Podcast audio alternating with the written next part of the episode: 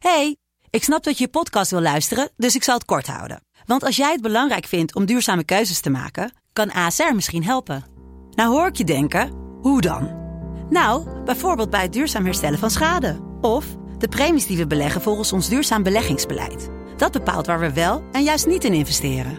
Wil je meer weten over welke duurzame keuzes ASR maakt? Ga dan naar asr.nl slash duurzame keuzes. ASR doet het. Zo, dan kan je nu lekker naar je podcast luisteren.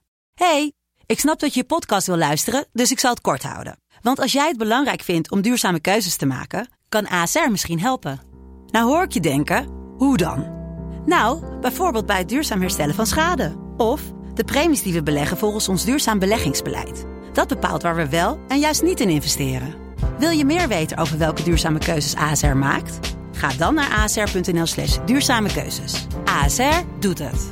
Zo, dan kan je nu lekker naar je podcast luisteren.